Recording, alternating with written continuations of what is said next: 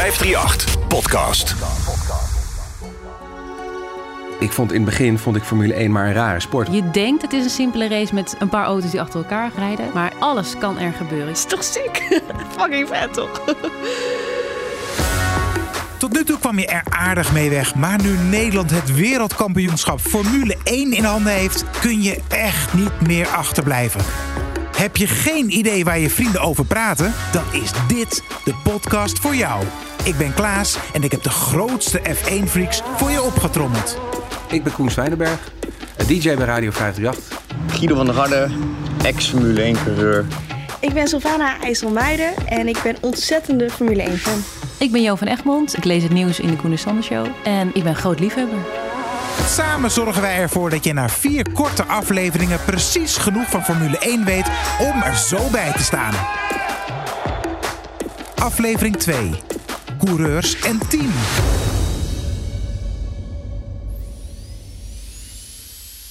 Een tandarts kan niet zonder zijn assistent. Een supermarkt is aardig leeg als er geen vakkenvullers zijn.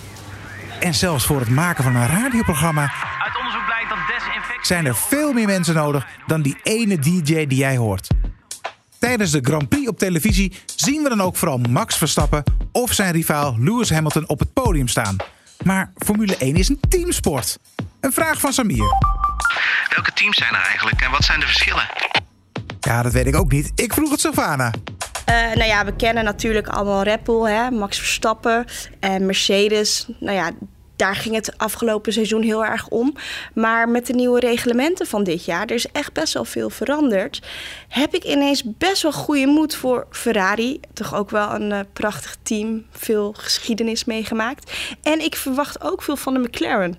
Dus ik denk dat dit seizoen best wel eens heel interessant kan worden door alle nieuwe reglementen.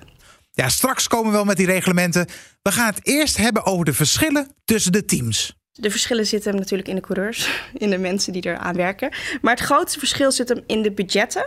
Eh, de ene auto die is daardoor sneller in langzame of snelle bochten. De andere die is beter in rechte stukken. Eh, en elk team die concentreert zich net een beetje meer op een bepaald onderdeel wat voor hun belangrijk is. En dat is eigenlijk het grootste verschil. Ja, als je wilt weten hoe zo'n team in elkaar zit, dan moet je dat eigenlijk natuurlijk aan een coureur vragen. Toevallig ken ik er eentje. Guido. Het is zeker een teamsport. hè. Je hebt natuurlijk eh, twee coureurs in het team. Eh, alhoewel zijn ze natuurlijk dan wel competitors van elkaar. Want eh, je wilt natuurlijk je eigen, eigen eerste teamgenoten verslaan. Eh, maar het is wel belangrijk dat je samenwerkt. En vooral ook met het team zelf.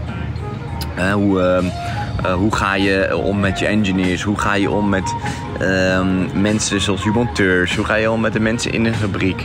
En zorgen dat je dat sa- heel goed samenwerkt. Alleen ja, eenmaal de auto is natuurlijk eh, ja, alles voor jezelf. En, eh, en moet je natuurlijk maximaal presteren en je teamgenoten verslaan. Red Bull, McLaren, Mercedes, Ferrari, stuk voor stuk hebben ze allemaal twee coureurs die voor ze rijden tijdens een Grand Prix. Ja, waarschijnlijk voor als er eentje stuk is of zo. Maar waarom zijn het er twee? Ja, nou ja, vind ik op zich een goede vraag. Ja, Ja, ik denk wel dat eh, het de afgelopen periode hebben we wel met Red Bull gezien wat het belang is van een tweede rijder. Ik denk dat Perez heel erg goed heeft laten zien hoe ontzettend belangrijk het is dat je een, een teamgenoot hebt die eh, als een motherfucker kan verdedigen op de baan waar jij het als eerste rijder nodig hebt. Dat helpt natuurlijk gigantisch. Maar ik weet eigenlijk niet of dat de voornaamste reden is. Dat is wat ik zie op de baan, maar ja. Nee, ik weet, weet ik eigenlijk ook niet. Waarom zijn er twee? Maar het, is, het, resulteert inderdaad, wat Jo zegt, in, eh, in, in, in een tactisch spel tussen die twee. Als je tenminste een beetje aan elkaar Goeie- gewaagd bent. ja, ja. Want ja, dat gebeurde inderdaad seizoenenlang niet met Max. Maar met Perez, aan hem heb je echt wat. ja. Buiten je teamgenoot op de baan zijn er nog veel meer mensen. En daar komen we op het puntje over die tandartsassistent en de vakkenvullers. Je doet het met een team. En zonder elkaar ben je helemaal niks. Bij Formule 1 is het team zoveel groter dan wat je op tv ziet. Ja, nou dat ben ik dus ook pas veel later gaan begrijpen. Maar je, weet je wat er allemaal op de baan gebeurt? Dat is nog maar een fractie van, van de hele sport. Want je hebt natuurlijk eh, garages, fabrieken, pitboxen, wat daar allemaal nog gebeurt. En hoeveel mensen daar werken voor die teams, dat is echt ongekend. Guido is ex-coureur, dus die weet precies hoeveel mensen dat zijn. Je hebt een team van eh, tussen de 450 en 500 man eh, bij de topteams zitten eh, die in de fabriek werken. Ehm, en dat puur alleen maar voor twee rijders. je hebt natuurlijk ook mensen op het circuit, dat is een mannetje of 60. dat is eigenlijk ook het hele jaar een reisje met die mensen. Dus die zie je constant op het circuit. Dus ehm, ja, ontzettend belangrijk ook. In de vorige aflevering legden we al uit dat een coureur individueel punten kan verdienen in de races. Maar ook als team worden je punten bij elkaar opgeteld. Er komt nu een woord aan dat je er af en toe gewoon in moet gooien. Maakt uit waar je bent, gewoon af en toe erin gooien. Constructeurskampioenschap. Dat is weer, eigenlijk is Formule 1 heel veel geld. Er gaat zo vreselijk veel geld in deze sport om. Dus je kan kampioen worden, zoals Max. Je kan tweede worden. Maar je kan ook als team het kampioenschap winnen. Dus je doet het natuurlijk met twee coureurs en je moet allemaal punten binnenhalen. En uh, ja, het team dat de meeste punten heeft binnengehaald, die wint het constructeurskampioenschap en krijgt weer een hele duit met geld.